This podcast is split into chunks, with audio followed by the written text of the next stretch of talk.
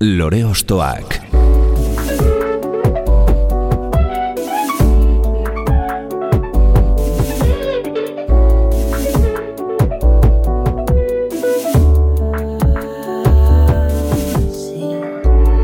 Ekain perezek aurkeztuta, gonbidatu bakoitza lore bat balitz bezala ostokatuko dugu. Jakiteko, zeintzuk diren bere lore ostoak. Haupa, zer moduz, ongi etorri lore ostoak era. Gaur ekarri dugun taldea 2000 eta mazazpian aurkeztu zen Bilbon, Bit Kamerlanden izeneko lehen lanarekin, eta askok post-punk etiketara mugatu nahi izan badute ere, iesaldi musikal konstante batean daudela dirudi, aldatu ala hil maksimaren jarraitzaileak balira bezala. Hain zuzen, Ground for Dogs, bigarren diskoari jarraipena eman dion, bulk ez da lanak, horixe bera irudikatzen du, izandakoa alde batera ustea, direna izaten jarraitzeko. Hau lore ostoak da, eta gaurko gure lorea, bulk.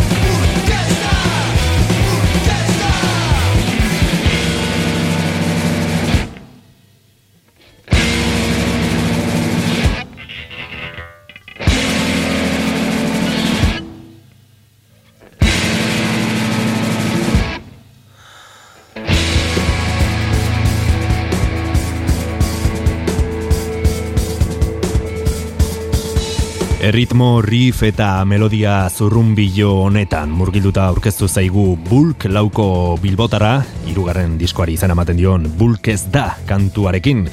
Taldeko abeslaria, Andoni de la Cruz, galdaka oharra dugu gaur hemen ordezkari moduan. Andoni, ongitorri? Haupa, ongitorri. Esa iguzu, azteko, zer da Bulk edo zer ez da Bulk? Ba, bilboko talde bat da. Mm -hmm. e, artean osatuta, eta ez da gehiago, osea, beste talde bat da. Mhm. Eta eh, ez da horrekin zer zer azpimarratu nahi zen duten, e, bulk ez da horrekin.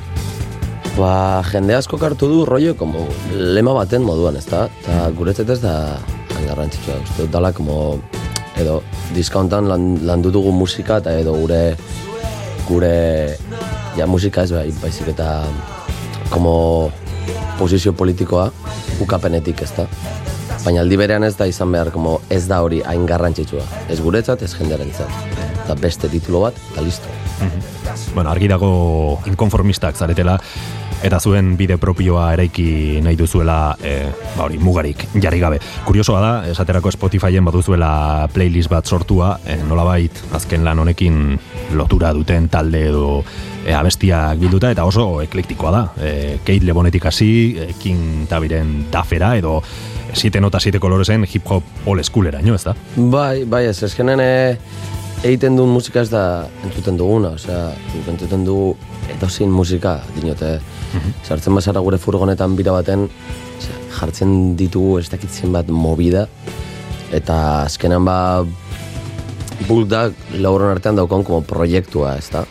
Baina aldi berean, ba, bakoitzak dauzka bere, bere preferentzia musikalak, eta ta buldak como, como ez dakit nola esango nuke, baina... Elkargune moduko bat, ez? Bai, bai, baina aldi beraz dugu pentsatzen asko ze musika be, entzun behar dugun e, kantagarriak ataratzeko, edo da como modu natural baten ja, badeko guzko, gure estrategiak musika egiteko, ez da? Ta, ta hori erabiltzen dugu bakarrik, ez? Gero indu e, lista hau, ze Balentziako lagun batzuek, La Platakoek, Bai. egin zuten gauza berdina e, euron azken dizkagaz. Ta, ta uste dute jangitz, e, jangitzek proposatu zuela rollo taldetik rollo. Zeratik ez dugu iten e, balistatxo bat e, ba, ari garen e, musikariekin ez da entzuten ez da. Ba, eta hori. Bai, interesgarria da, batez ere, bueno, esaten duzuna, ez agian ez direla zuzenki zuen musikan eragin zuzena izan dezaketen taldeak, baino, Bai. bai nolabait zuen inguruan dauden e, taldeak, edo, bueno, e, ba, furgonetan, edo e, zuen e, bizitzako momentu normal hoietan e, Bai. zuten diren doinuak, ez? Bai, ge- gero bai jarri ditugu mugak, ez da, ze azkenan sartzen badugu entzuten duen guztia, ba, azkenan, jo, ze, azte, hasi algara jartzen e, teknoa, edo EPM elektronika, edo ambient musika, eta igual hori dago, e, como urrunegi, ez da, Bai. bulketik. Baina hori, ez, ez, ez da, ez da representatibo esango nuke, da, como, bueno, ba, entzuten duguna. Bai, detailetxo moduko bat, Bai. ez, opari bat, edo. Bai, hori da. Eta zuen evoluzio horretan aurreko e, lanekin badago aldaketa handi bat eta hori hizkuntzarena da. E, Bai. Nola suertatu da lehen aldiz disko bat guztiz euskera egitearen kontua.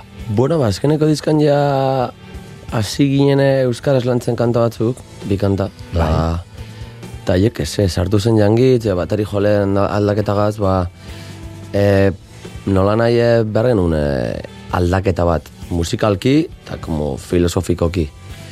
Eta pentsatu nun zait, que ez ditu egiten kanta batzuk euskaraz. Eta diskardia ja zegoenan jain da, komentatu, komentatu nuen taldean.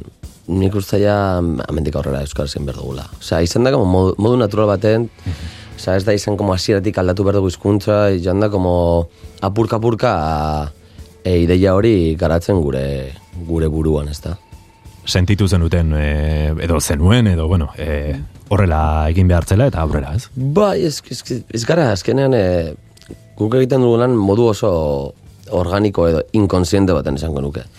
Orduan ez ditugu asket, askotan erabakiak hartzen. Da, como, ba, bapatean azten gara mobi bat egiten, eta ondo dau, ondo dau, aurrera, ez da?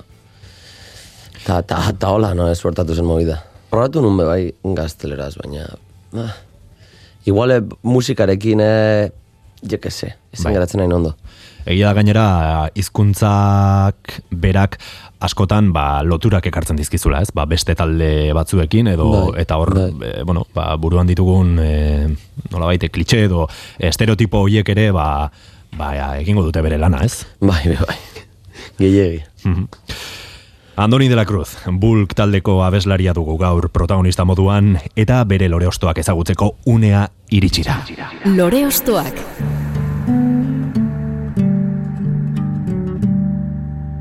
Ostoz osto, erantzi nahi dugu Andoni de la Cruz, beraz, esaiguzu, zarekin hasiko gara. Itoiz, Clash eta Pistols.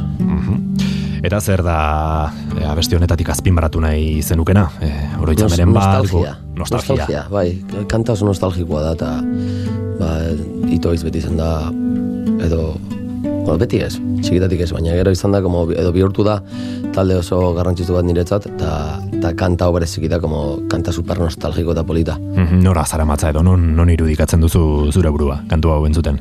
Ba, hori ja, pribatua da. ez dut aipatu nahi. Ah, ez. ez dut aipatu nahi publikoki.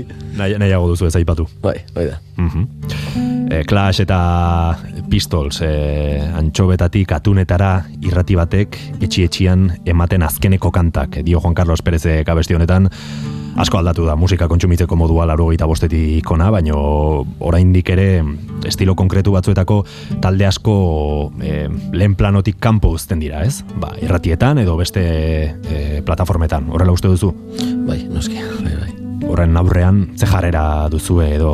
Ba, autogestioa, esango nuke, edo beste modu bat eh, aurkitu. Mhm. Zure musika aurre eramateko. Ez dute spoilerrik egin nahi ez dara, baina esanguratsua da, lauro gita maikean jaioa zarela, eta ekarri dituzun proposamen gehienak zu jaio aurretikoak e, direla. E, bai. Denborarekin okerera egin dugula esango zenuke, edo? Ez, ez. esango nuke, gaur daudela beste gauza guapuak, baina proposamen hasi zenez ba kantak euskaraz, egingo panoramian ez ditu zagutzen eh, enbeste talde eta gainera, como que sé, ba, edo etzagutzen dituenak ez dira engarrantzituak ez da. Bai, lehenagoko ekagian bai.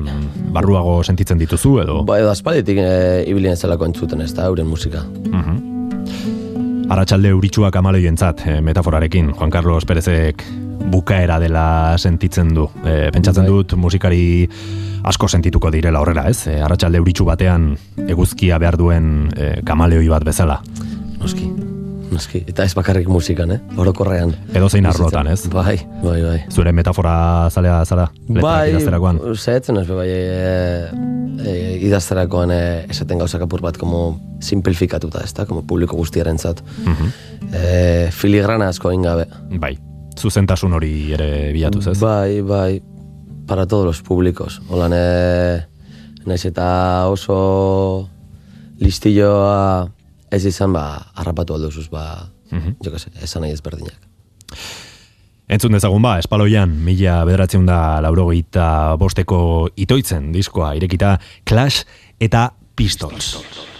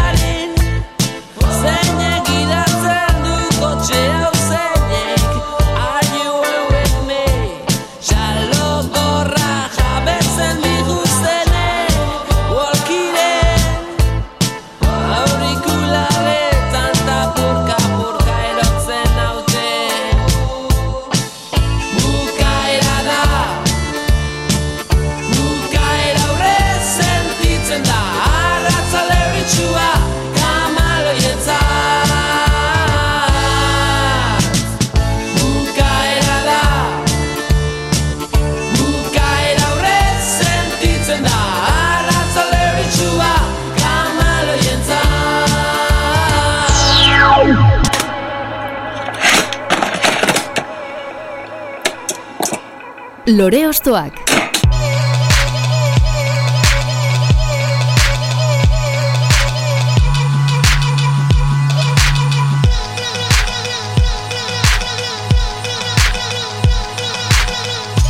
Itoizen Clash eta Pistols entzunez eman diogu hasiera bulk taldeko andoniren bide musikaloni eta beste pausu bat eman nahi dugu beste proposamen batekin. Errobi kanpo kanta.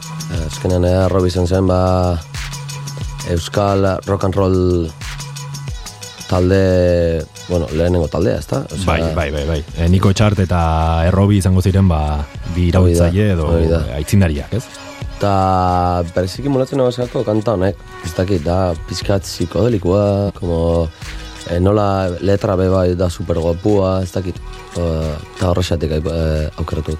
Mm Mulkekoa kaldaketaren edo transformazioaren zale izanik, ba, errobik ezin hobeto irudikatzen du esentzia hori, ez? Batez ere, iruro gita amareko amarkadako Euskal Herria nola zen kontuan izan da, rokaren aldeko apustu egiteak bai. e, personalitate asko azalarazten du, ez? Bai, guez gara hain apurtzai, ez da, ze gaur egun ja. Behintzate, nire ustez bulkak egiten duena da, herri, oza, e, Euskal Herri mailan, ez da, ba, mhm. Musika bat lantzea euskaraz, eta horrek ematen dio, como beste, beste kolore bat, ez da musikari. Izan al, ez da apurtzaia mundu globalizatu baten, mm. baina Euskal Herrian ba, euki aldu bere, bere aportazio txikia. Eta nola iritsi zara errobiren doinuetara? Ezakit, gurasoen gandik, lagunen gandik, ez zure ba, kabuz? lagunen gandik, ez da, edo gurasen gandik ez dakit, ez da, azkenan nire gurasen entzun dut hainbeste musika, ez da, ja, apur bat galdutan hauela, ez dakit bai. ze, ze entzun duan lehen aldiz etxean, edo, edo taberna baten, edo da, como, ba, Bai, Osa, dauzkat kanta bat, ez? Bai, dauzkat kanta batut, como, hau fijo nire aitak erakutsi zidala, baina beste batzuk da, como, ba, ja, ez dakit non entzun duan hau lehen aldiz. baina zure etxean musika entzun izan da, musika ba, zaleak dira, zure gurasoak. Ja ez, tia, da, ez, como, apur bat, ja, zahartuta. Uh mhm. -huh. Baina nire aita izan da pieza bat, kriston pieza, bili da bizitzen ingalaterran, da, -huh. dauzka, bueno, ja nireak dira, baina vinilo pilo bat. Erentzian, jaso dituzu. Bai, lapurtu la dizkiot. Zuzenean. Bai, eta tipua zen figura bat, on jaz da, baina asko ibili da, eta nire etxean beti jarri da musika asko.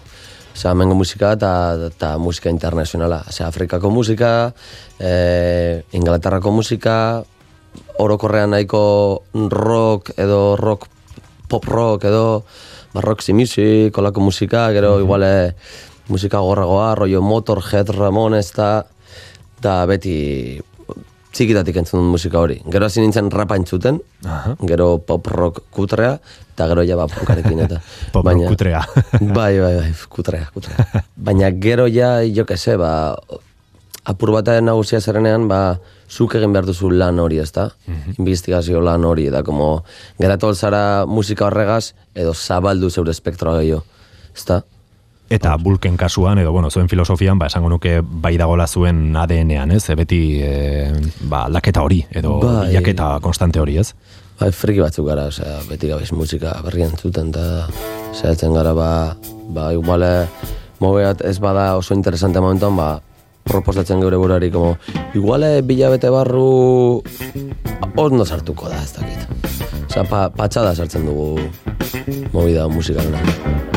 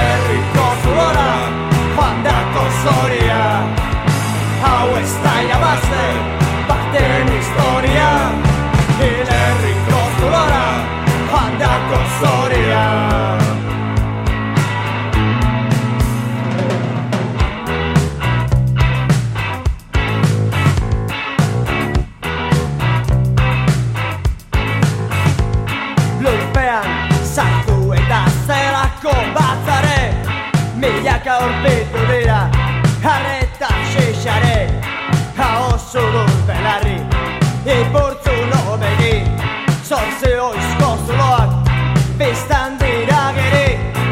Horietan barrena Doazta legera Baina topatu dute. Zulo bat sobera Bizkarraren erdean Ilun beltz eta hotz Pistola baten bala Sartu zaio zorrotz. Hau ez da irabazte Bakten historia. historia. Hau ez da irabazen Bakten historia. Ile erriko zulora Juan dako zoria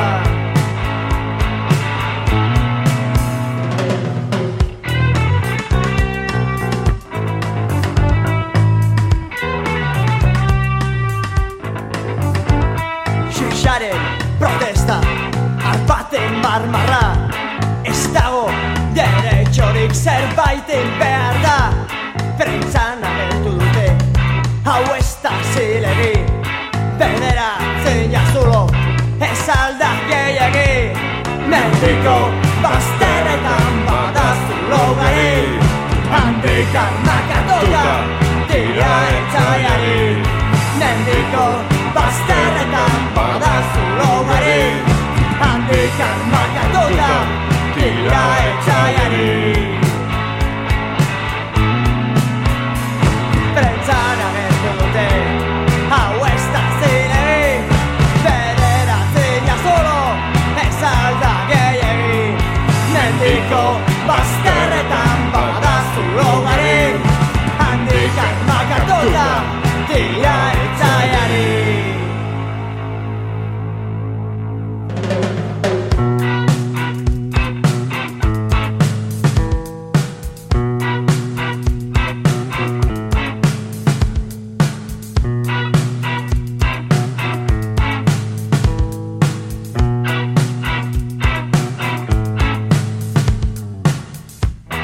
Errobiri jarraipena emane zentzun berri dugu kortatu, Andoni de la Cruzen urrengo proposamena, e, bederatzi zulo kantuarekin ekarri diguzu, ezta?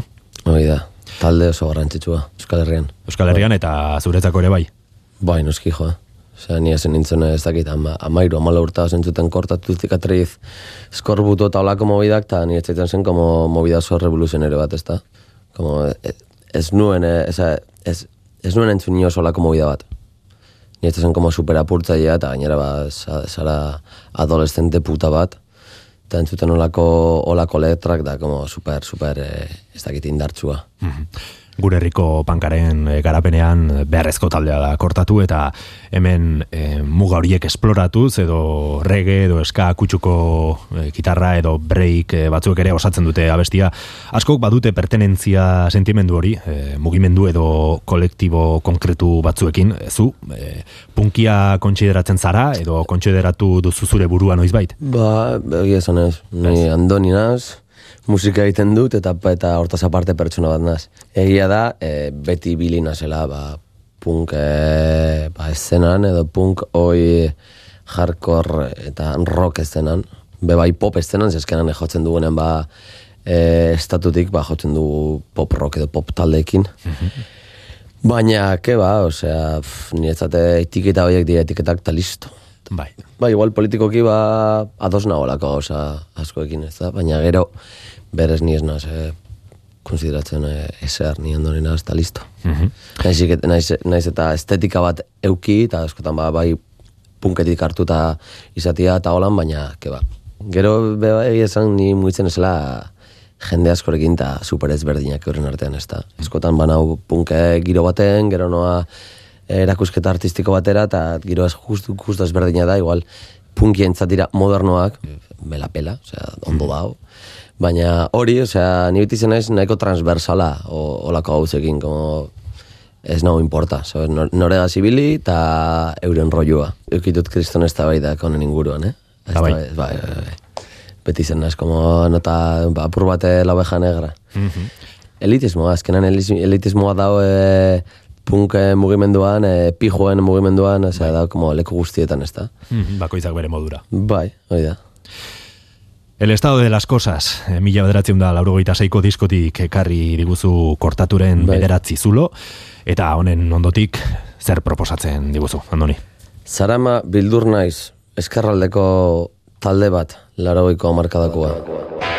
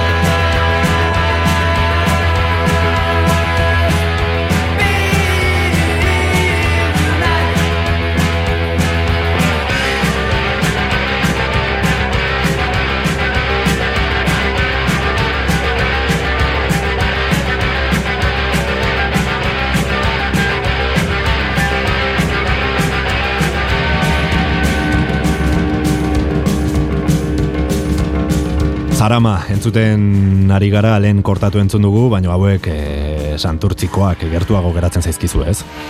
Bai, aipatu barrune Bilboko edo hemengo talde bat, jo. Mhm, Nola ez.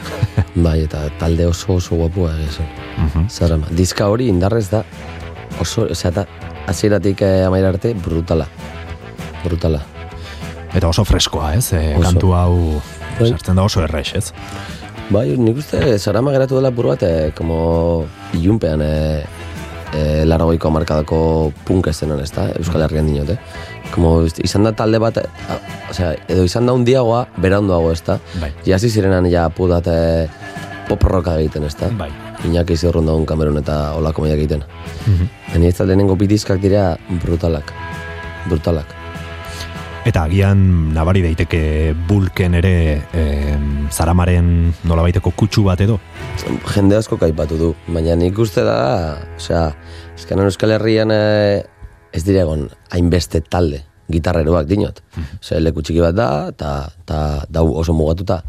Orduan eh, edozin moetan egiten duzunean euskaraz, ja, bapatean ja jendeak sortzen ditu hor konexioa, como, boa, kriston soinua deko zu, jo que se, duten soinua edo, zaramenen soinua edo, bapatean, ba, eta como, ba, ez da hona Bai, ez da edo agian ez kasualitatea. duzu entzun e, dut edo oso urrutitik, baino, baino Bai. jendeari iruditzen zaio, ez? Bai, bai, baina ez, ez da, ez da olako beste zeo zer, da, como, justo ez, eh, lotzen duzu holan tal, lotzen dituzu holan taldeak, eh, taldeak, eh, ez da olako beste talde bat haundiagoa edo ez duzuelako ezagutzen, jo que se, ba, Ingalaterrako edo Ameriketako edo Bai. eh, Frantziako beste talde bat, dala askoz, ba, jo que se, soinuaren aldetik dagoena, Bai, dagoena hori da. Mhm. Bestalde zuek ere baduzu e, entzulea nolabait e, deskolokatuta uzten duen faktore hori, ez? E, alde batetik talde pisutsua edo gogorra izatea nolabait, baino bestetik freskotasun edo harmonia naiz e, melodiarekiko zaletasun hori izatea, ez? E, dualtasun hori. Ba, ez gara inpirutzuak, ez, da, ez gara ingogorrak. Nik uste je- jendea dagoela oituta, como gauza oso suabetara, ez Bai. da, como pop rockera, irratian ematen den pop rockere, eta orduan eh, egiten duzunen bezeo zera pur bat como gogorragoa ja, zera como makarra bat. Jende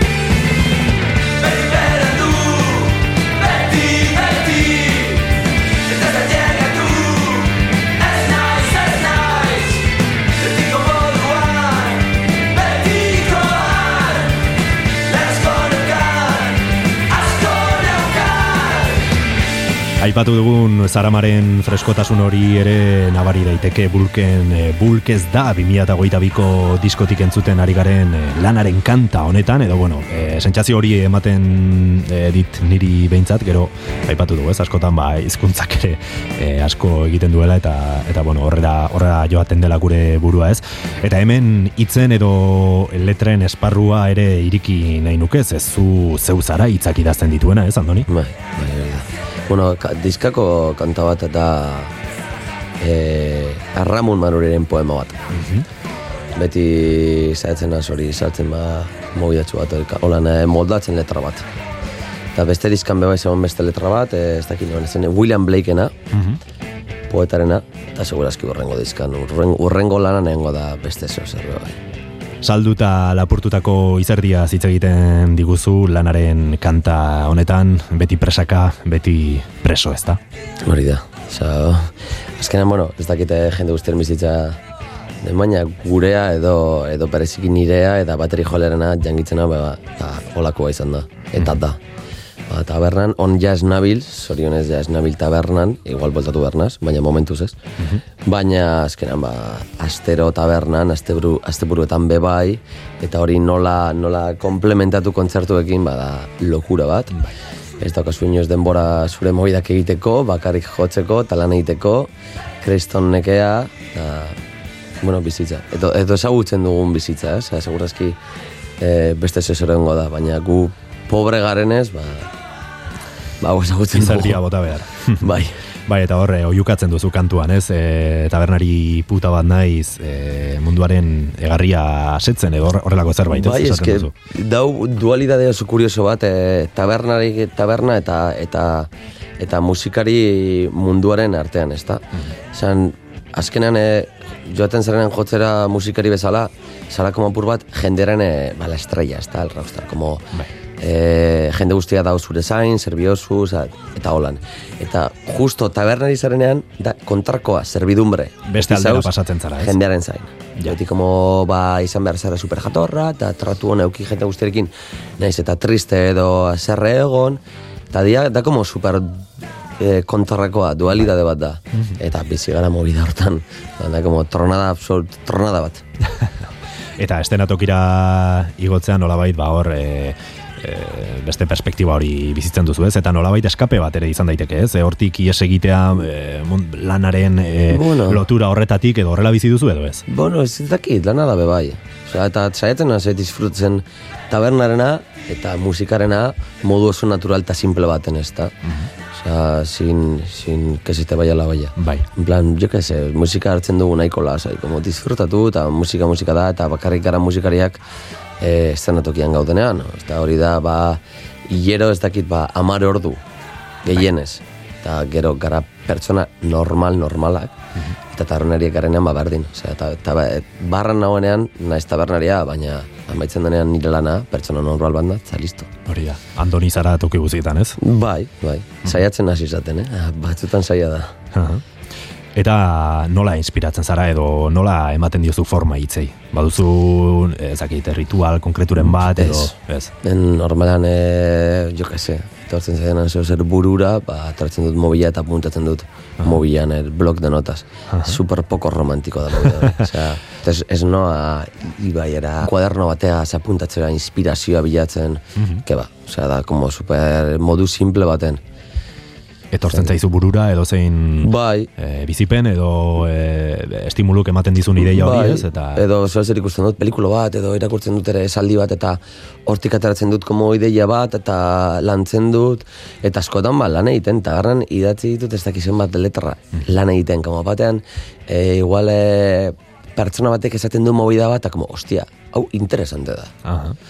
Igual gazteleraz, nik e, idazten dut euskaraz, eta hortik ateratzen dut letra bat. Beti nago adi, eh? Osea, edo, gauzak irakurtzen kaletik, edo, jo que se, edo... Bai, bai, bai, bai. Eta tabernariek ere, bueno, e, psikoanalisi ugari egin behar Bai. dutela, ez? Ba, Eske jende askorekin topatzen zara, e, e, perfil ezberdin asko, ez? Bai. E, elkarrizketa ezberdin asko, e, asko xurgatu dezakezu ere. tabernetan entzuten dira gauza oso interesgarriak. Claro. Eta mierda asko bai. Eh? Noski. bai, bai. Eta nolabait nexo moduko bat zure bi mundu hoiena, ez? Bai. Dualtasun hoiena. E, tabernan jasoten duzuna, gero estenatoki gainera eraman, ez? Bai, bai. bai. Bueno, eh, be bai, ba- hori pasau da, pasaitu dalako ordu asko barraren atzean, eta como eh, erabili behar dut nire denbora, zabez izan egon hemen, ama bi ordu jarraian, lanean, eta ez egin ezer produktiboa. Mhm. Eta lehenengo melodia e, eta metrika edo kontzeptua bera etorri hori kan, kantaren arabera, gara super kaotikoak eh, kon, eh, kantak egiten, super, super, super kaotikoak. Orokorren gara kaotikoak, eh? Diot, como, ose, hartzen dugu bide bat, lantzen dugu kanta bat igual, eh, ez dakit, ba, egoten gara hiru hilabete lantzen kanta bat, eta batean, ematen diogu buelta, eta, ba, justo, ba, jo que se, ingo dugu justo kontrakoa, edo kenduko dugu rifau, eta jo que se, osea, gara oso, oso kaotikoak, eta, ba, letrarekin edo, edo, edo melodiarekin berdin pasatzen da, como azkeneko momentuan al- aldatzen dut moide bat, edo batean abesten dut zo zer txarto nahi gabe, eta gitar jolok esaten du, boa, guapísimo dago, omendik aurrera aldatu behar dugu hori, ba. aurrera, gara antimetodologia pura. Jarrai dezagun, bulk taldeko abeslaria ostokatzen. Lore Ostoak.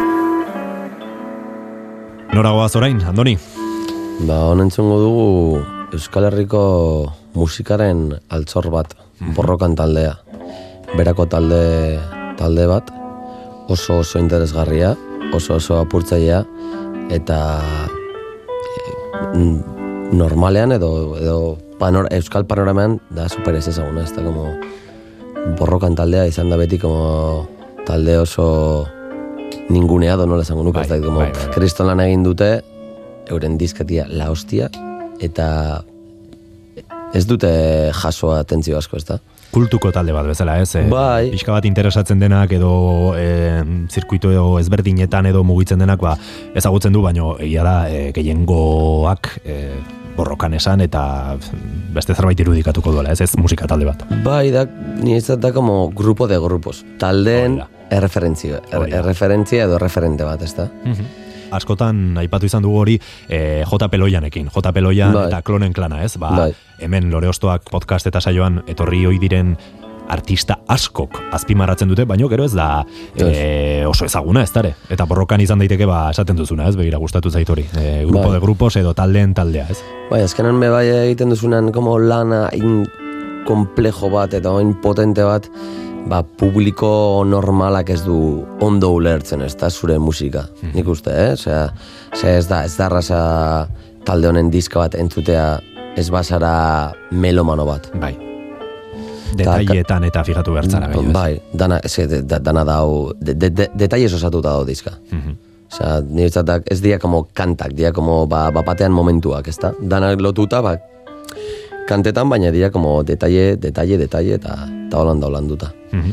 Eta ze abesti... Armigua, zuak Armigua. diskako eh, kanta, niretzat kantari interesgarrina. Mhm. Zuek ere beran izan zarete gainera diskoa grabatzen, e, inigo irazokirekin, atala estudioan, eta e, okeraz banago borrokan taldeko e, Ibai, partaidearekin. Bai, ez? gogortza, bai. E, bai, e, pasau zen estudiotik e, geundenean grabatzen e, instrumentala, ba, ja ez dakit, tio, ba, tipoari iruditzaion como proiektu interesante bat, eta ta saldu zen, e, ba, ez zen bate, bost edo zei hilabete ber, beranduago, ze hasi zen pandemia, eta bueltatu ginen e, ahotsak grabatzera, eta teklatuak eta lako arregloak, eta tipoa eh, sartu zen estudioan, eta, oie, ze, animatzen zara pur bat laguntzen eh, ahotsekin talkoal? Eta tipoa horrengo gunean etorri zen e, kuaderno bateaz, e, apuntekin, hau, eh, esaldi hau aldatuko dugu, tal, no seke, osea, ba, osea, eta ibai da guretzat personalki erreferente bat. Osea, borrokan, baina bereziki ibai, pertsona bezala. Sartu, sartu zen zuen proiektuan nola baitez, e, Bai, bosgarren parteide bat bezala ia. Ba, ez hainbeste, ze bera beda nahiko como errespetu osoa e, musikarien lanarekin, ez da? Baina, bai, eta gero egon gara beraz, ez dakit zenbat aldiz, como lotu gara, ez dakit nola, baina ibai da. bat sortu da, ez? Bai, bai, bai, oso potentia. Entzun dezagun ba, borrokan talde beratarra eta zuak 2008ko diskotik abesti hau. Armigua.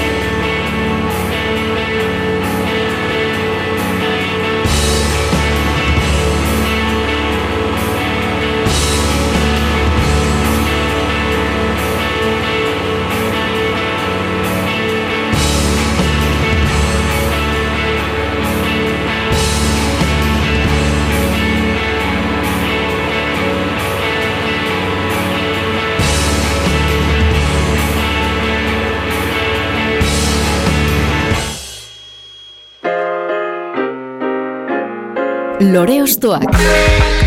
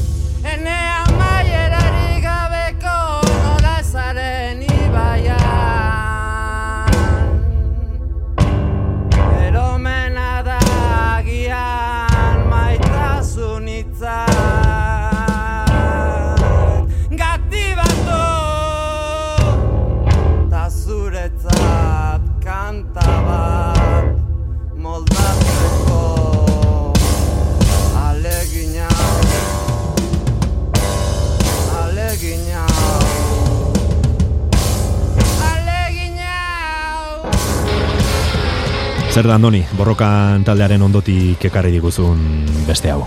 Akauz uste taldearen zentrifugo kanta, eskoitiko pioneroak, esango nuke. Eta zergaitik ekarri dituzu edo, ze, ze azpimarratu nahiko zenuke. Ba, nietzat dielako, ba, ez dakit, ba, talde oso, oso, oso berezi bat, ez da? Zer, ez dago Euskal Herrian olako talde bat. Ja, dizhit taldearen, e, ba, urbuietik e, ibiltzen dien e, musikariak, ez da? Musikan aldetik ez dira lagunak, eh? Bai. Eta niretzat az, talde oso interesgarria, bereziki zuzenen ikusteko zuzenean da pasada bat, mm hori. Da ritual bat. Bai, ez guztiz, ez. Bai, bai, beraien ritual bat. kontzeptu hori eta eh, bueno, gazteleraz ruidismo esaten dena, ez? Euskaraz Bai. ez da nola esan beharko genuken, soinu, bueno, eh, arrotzak edo, bueno, Bai. eh, eh, zuek ere baduzu, ez? Nola bai hortik eh, Bai, gustatzen zeizu, ez? Bilaketa hori ere soinu bitxiak, eh, Bai, ba, azkenan e, ba, melodia lantzea guapo dago, baina batzuetan da justo kontrakoa behar duzuna, ez da, como ekstremo bate, batetik bestera joatea. Eta guk entzuten dugun musikan artean bada no wave edo musika artistiko lan, como landuta beste modu baten, ez da. Bai. Ez da izan behar erakargarria, ez da interesgarria modu melodiko edo teoriko baten. Izan behar da, erakargarria modu artistiko edo sortzen duelako egoera ezberdin bat, ez da. apurketa hori, ez? Bera, Bai, edo bai, deskolokatzea nolabait Bai. edo eh, eh, mundu berri batera eramatea, ez? Bai, hori da. Eta gero esperientzia horrekin, claro, lortzen duzu, ba, e, ambiente hori ez esaten duzu, e, ritual moduko bat dela Bai. zuzenekoa. Noski sartzen zara Bai. hor, e, katarsi moduko Hori batean. da, hori da, hori da. Azkoitiko mata deixe gune autogestionatuan sortu zen, lauro goita amabian akauzazte taldea, eta e, ba, hori, e, primitibismoa, soinu industrialak eta e, improvisazioa ditu ardatz. Lehen aipatu bezala zuek ere baduzu, e, ba, sorkuntza prozesuan improvisazioarekiko zaletasuna baita ere, ez? E, Bai, eta zuzenean be bai zaiatzen gara pur bat eh, improvisatzen beti kanten artean edo. Eta hori askotan da, como kontzertuaren mobidarik interesgarriena, ez da, guretzat, musikari bezala, ez da, edo niretzat, eta como, ba, kantak dira gure kantak, eta ondo hor dauz, baina sortzen denean kontzertu konkretu bakoit ba, batean eh, movida holan, movida oso, interesga, oso interesgarri bat, como hemen dago gure esentzia, ezta? Bai, hori Eta askotan hortik arteratzen dugu kanta bat, eh? Aha. Bai, bai. Bai, ze, e, polita da hori, ez? Improvisazioaren esentzia hori da, ez? Kontzertu bakoitza e, bakarra dela. Ez Hori da. ematen diozu puntu berezi hori eta hor gertatu dena hor gertatu da. Hori da. Agian norbaitek grabatzen du eta bueno, Edo ez. dezakezu, edo Asko ez. zobetoz badago grabatuta, eh? Aha. Ze gero ja zure buruak modifikatzen du hori eta como romantizatzen du eta Bai. da como, boa, askoz guapoa. Bai, e, galdu dadila hor e, zerezean, ez? Eta no- norberaren memorian geratzen da armatuta, hori bai. Bai. Agauzazte eta zentrifugo, lauro goite emezortziko urgardenak albumeko abestia alde batera utzi, eta beste proposamen baten atzetik jarriko gara. Lore Ostoak. Norabide estilistiko berri baten aurrean jarriko gaituzu ere, ezta, Andoni? Bai, arrantzale kantagaz, guk taldearena. E, talde folkloriko bat, baina nahiko apurtzaia, ze... E, como nahazten dute holan letra eta, eta melodia folklorikoak, e, instrumento, ba, laroiko markadoko instrumentuekin, ba, baten como sinteak eta bientoak eta holako mobidak, eta niretzat da como, eta os, dana super orekatuta. Zezkenan ez dauka movida hori como pur bate pertentzioa. E, da, dau como super orekatuta. Osea, tradizioa esango nuke eta soinu berriak. Tradizioa eta respetatzen be bai e, como mundu berria. E, bulkeko bajo joleak erakutsi zian bidai baten e, furgonetan. Eske, osea, guretzate eskotan bidaiak dira la hostia, ze, ze da como momentu bat nahiko nahiko ba gogorra, egin behar baduzuz ba sortzi hamar ordu furgonetan, baina ondo planteatzen, planteatzen baduzu ba pasatzen dira gauza oso interesgarriak, ezta? Eta bereziki ba musika musika e, jartzen eta edo musika berri erakusten e, taldekoei edo jo que se, edo debateak eukitzen hor furgonetan, beti da super interesgarria. Bai, furgoneta hori bilakatzen da nolabait burbuja moduko bat, ez? Bai, Mundutik kanpo zaudete. Bai, eh, bai.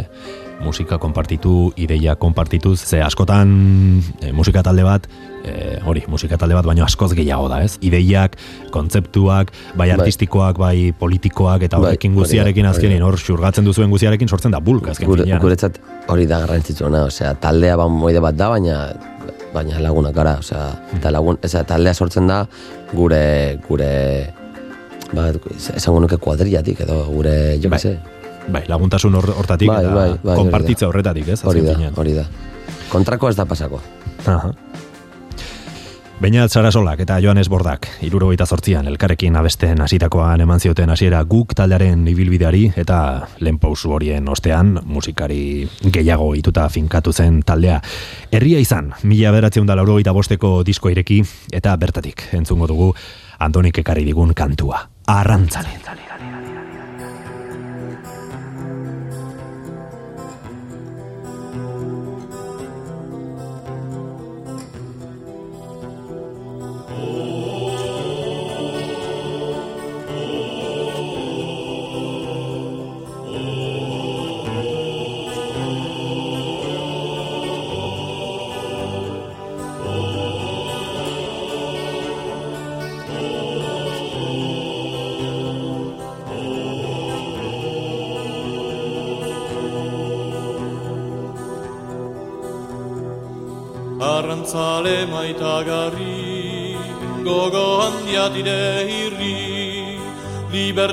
zainegarri, hautatu gure aberri.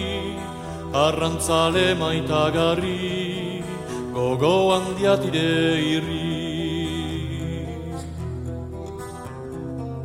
Arrantzalen bai gudari, guretako aizer hori, sasitarta presoeri, laguntza nahi zekarri.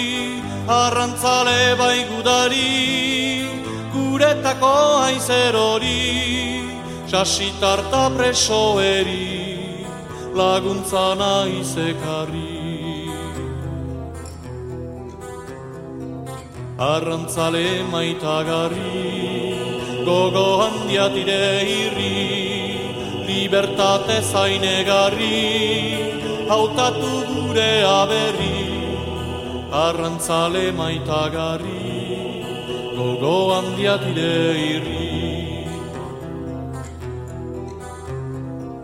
Tirokatu soriari, pozikago iztari, ez usteken geroari, esperantzaren iturri. Tirokatu soriari, pozikago iztari, ez usteken geroari, esperantzaren iturri. Arrantzale maitagarri, gogo handia dire irri, libertate zainegarri, hautatu gure aberri. Arrantzale maitagarri, gogo handia dire irri.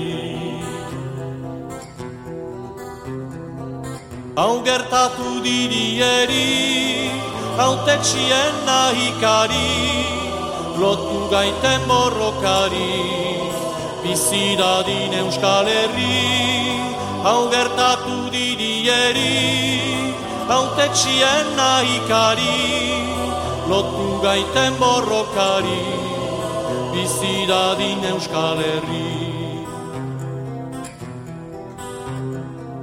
Arrantzale maitagarri, gogo handia dire irri, libertate zainegarri, hautatu gure aberri.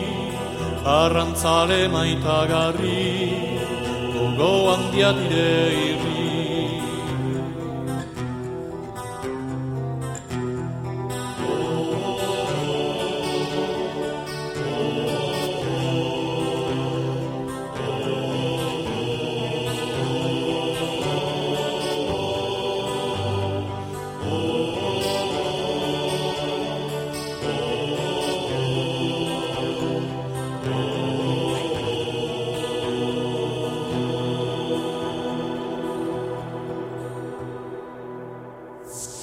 Ekain Perezek aurkeztuta, gonbidatu bakoitza lore bat balitz bezala ostokatuko dugu. Lore ostoak.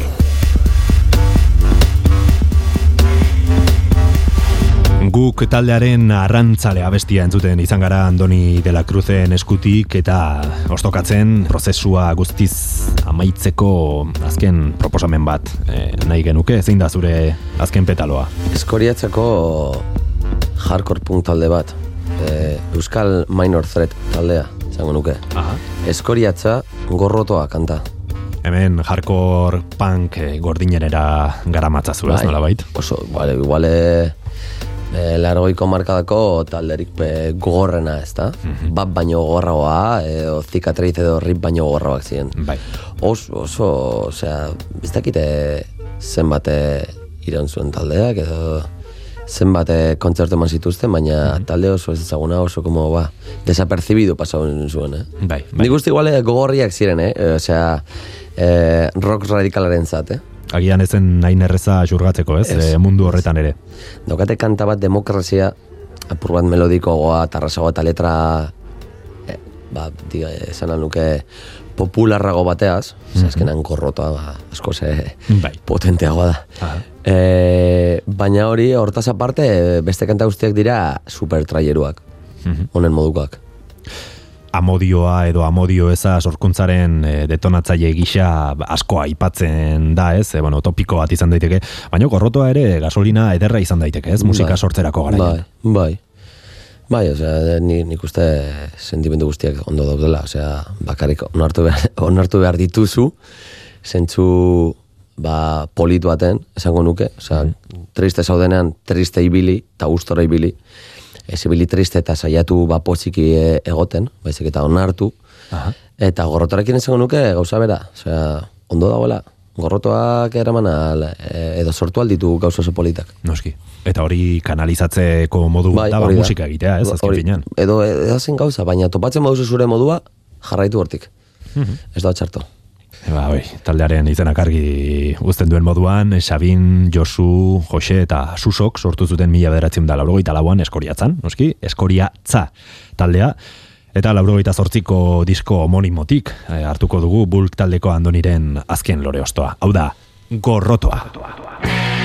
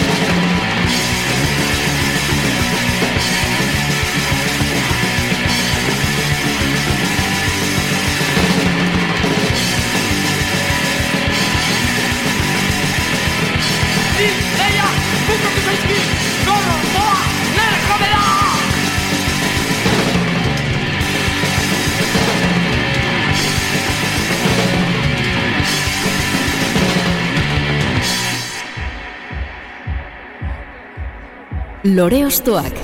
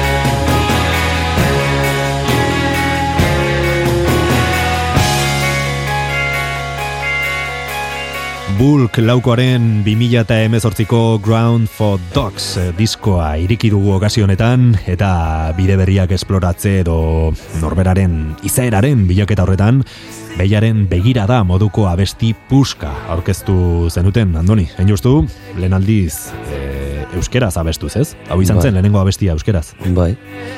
Eta du, niretzat como kanta oso garrantzitsua, osea, Naiz eta ja pasaen diskako kanta bat izan, naiz eta como gaur egun jotzen dugun kanta bakarra da, horko kanta bakarra. Eta, dala hosti, eta ni, nik asko disfrutatzen dute jotzen zuzenean egia esan. Mhm. Bai, mikrozkanpo zorion du dizut, baina bueno, hemen e, irekian ere esango dizut, ez, sekulako kantu puska da, eta, eta bai, iruditzen zait, ba, bulken ibilbidean, kanpotik begiratuta ematen du sensazio hori, ez, bai dela kantu bat, ba, bulken ibilbidean em, lehen eta gero bat eh, markatzen duena, Bai. eta zuk ere, ba, argi utzi duzu, ba, horrela bai, dela, bai, ez. bai. Bai, bai, jotzen, za, Grand Ford Dogs diskako jotzen dugun kanta bakarra da, eta alon jarraituko dugu, osea. Eta oso esanguratsua da hori. Eta zer kontatzen diguzu, behiaren begiradaren hitzetan? Letra, bueno, a ver, eh, euskaltasunari buruz doa. Letra. Aha. Bai. Eta nola nahi, ba, nire ikuspuntua lantzen dut, ez da, nire euskaltasuna, ez da. Mhm. Ba, ezkera bertzaleak proposatzen duen eu- euskaltasunetik kanpo, edo, edo Espainiako estatuak proposatzen duen euskaltasunetik kanpo, edo politikatik kanpo dagoen euskaltasuna, ze hor dago. Ba, adibidez, nire ustez on chill mafia dago bai movida bardina lantzen, ez. Aha. Euskaldunak gara, Euskal Herria maite dugu, baina ez gaude edo politi, politizatuta gaude, ez, eta nok dauz politizatuta, politizatuta, baina gure erara e, bizi nahi dugu gure hizkuntza, gure kultura eta eta sortzen duguna kultura horregaz, ezta. Eta horri buruz doa, Igual eh, jende guztiak ez du lertu, niri pizukedak ulertu zuen lehenengo momentutik, eh? baina jende askorentzat izango da, como, ba, letra beste letra bat. Niretzat da letra oso garrantzitsu bat. Bai, metaforikoki edo eh, azaltzen dituzu Bai. nolabait gauzak, ez? Baino, Bai. baino bai, e, esaten duzuna azkenean, ez? E, inork ezin dizula esan nola bizi behar duzun zure euskaltasun hori, ez? Hori da, hori da, hori da. Basikamente. Aha.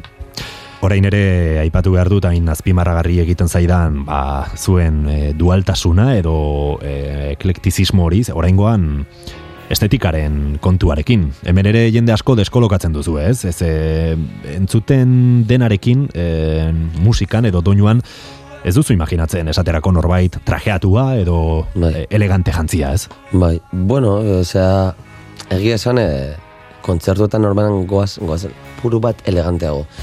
Baina, vamos, osea, nik erabiltzen ditute alkondara politak astean zehar bai. Osea, bueno, edo, edo taldeko guztiek erabiltzen dute, eh? O, jans, janskera hori da, como normalen eramaten dugun janskera, pur bat igual ba txukunagoa, baina e, ba ez dakit, osea, bebai e, estetikoki gara nahiko eklektikoak. Osea, ba, bai, batzutan ematen dugu ba, punk batzuk garela, beste batzuetan e, holan trajeatuta pur bat rollo David Byrne, e, rollo Hori Talking Heads, ba, hori da. elegantzia hori lantzen, ez da? Baina, puf, ez da, como, eza, ez daukagu janskera bat kontzertuak emateko. Eta, igual beste talde batzuek balantzen dute holan, ez da? Como, ba, astean zehar eh, doaze modu simpleago baten, ba, jo que se, ba, modo sport, Bai. eta gero azte buretan kontzertu bat ematerakoan, ba, ba, ba, ba, aukate holan, e, ba, ba, outfit bat ez da jotzeko. Gu goaz e, modu berdinean iaia esango nuke, astean zehar eta azte buruetan. Igual pertsonaje batzuk gara jendearen zan normalean, eh? Bereziki Euskal Herrian, hain txandalero trekin e, estetikarekin, ba, gu gara, ba, azkenean e, gaztetxeetan jotzen eta ba, mokasin bat- batzuekin, ba, Hori da. ba, zara apur bat el perro berde, baina, bueno, ez gaitu importa, aurrera. Arte derren girotik sortutako taldea zarete eta horrek Bai. agian azaldezake estetika edo irudiari ematen diozuen e, bueno, nolabait garrantzia edo, ez? Agian gure herrian aipatu dugun bezala eta konkretuki zuen ba, antzekotasuna izan dezaketen taldetan ohikoa ez dena. Bai, bai, bai, bai, izango nuke, osea, garela apur bat, be, bai, estetikoki bereziak e, Euskal Herriko panoraman e, dagoen talde bat ez da. Baina, bueno, ez da, ez da hain garrantzitsua estetika e- egia esan, eh? Osea, on bai, interneten munduan eta hola komubiak dira como super garrantzitsuak, nola, nola goen jendea jantzita, baina guk ez dugu hartzen holan, da como holan goaz jantzita, eta holan agertuko gara telebistan, e, kontzertu baten, edo taberna baten trago batzuk hartzen gure lagunekin. Mhm. Baina gustatzen zait, bueno, zuen azken diskoak dioen bezala ez bulk ez da e, titulu horren atzean ba e, gordetzen dela nolabait orain e, aipatzen ari ginena bulk ez dela e, jendeak ikusi dezakena edo pentsa dezaken hori ez Bai. eta apurketa konstante batean zaudetela eta Bai. nolabait horrek deskolokatzen du agian jendea ez Bai, e, osea, ba, azkenan e, jendeak ez du ezagutzen e, taldea. Ezagutzen ditu e, taldearen kantak, eta eta taldearen kantak dira como taldearen parte bat, ezta? Osea, gure bizitza ez da isladatzen e, gure kantetan. Eta segurazki egiten baduzu berba gugaz, ba, deskubrituko dituzu ez dakizen bat movida, e, ez diela, ezin diela sumatu edo e, gure kantetan, ezta? Orduan, e, ba, bai, bueno, jendea askotan garrituta geratzen da, e, gu ezagutzerakoan, ez da, como, hostia, zarete, super, jo, herrikoiak, super normalak, no sé, eta, ba, noski, tio, osea, trajeatuta noa, baina pertsona normal bat, naz, espero duzu, jefazo bat hemen edo, gaztetxe baten supermoskore gabeko lauretan, osea, ba, ez, naz desgraziao bat, eta listo. ona ona Bueno, ba, Andoni de la Cruz, iritsi gara mailerara. Eskerik asko Vale, zuri, zu ostokatzen ustegatik plazerra Zuri. izan da. ondo segi. Berdin, eta, bueno, agian gaur aipatutako gauza asko bulk ez da izango etorkizunean, baina gaur egun, edo gaur egungo perspektibatik behintzat, ezagutu zaitugu eta zaituztegu, baina ez dadila geratu norbera aurkitzeko prozesu eta evoluzio hori, segi horretan. Hori da, hori, mila esker, agur. Eta zuri entzule, besterik ez, mila esker beste behin beste alde horretan gure alboan izateagatik, bulken behiaren begirada entzunez, bagoaz, ondo izan eta urren arte. Bye.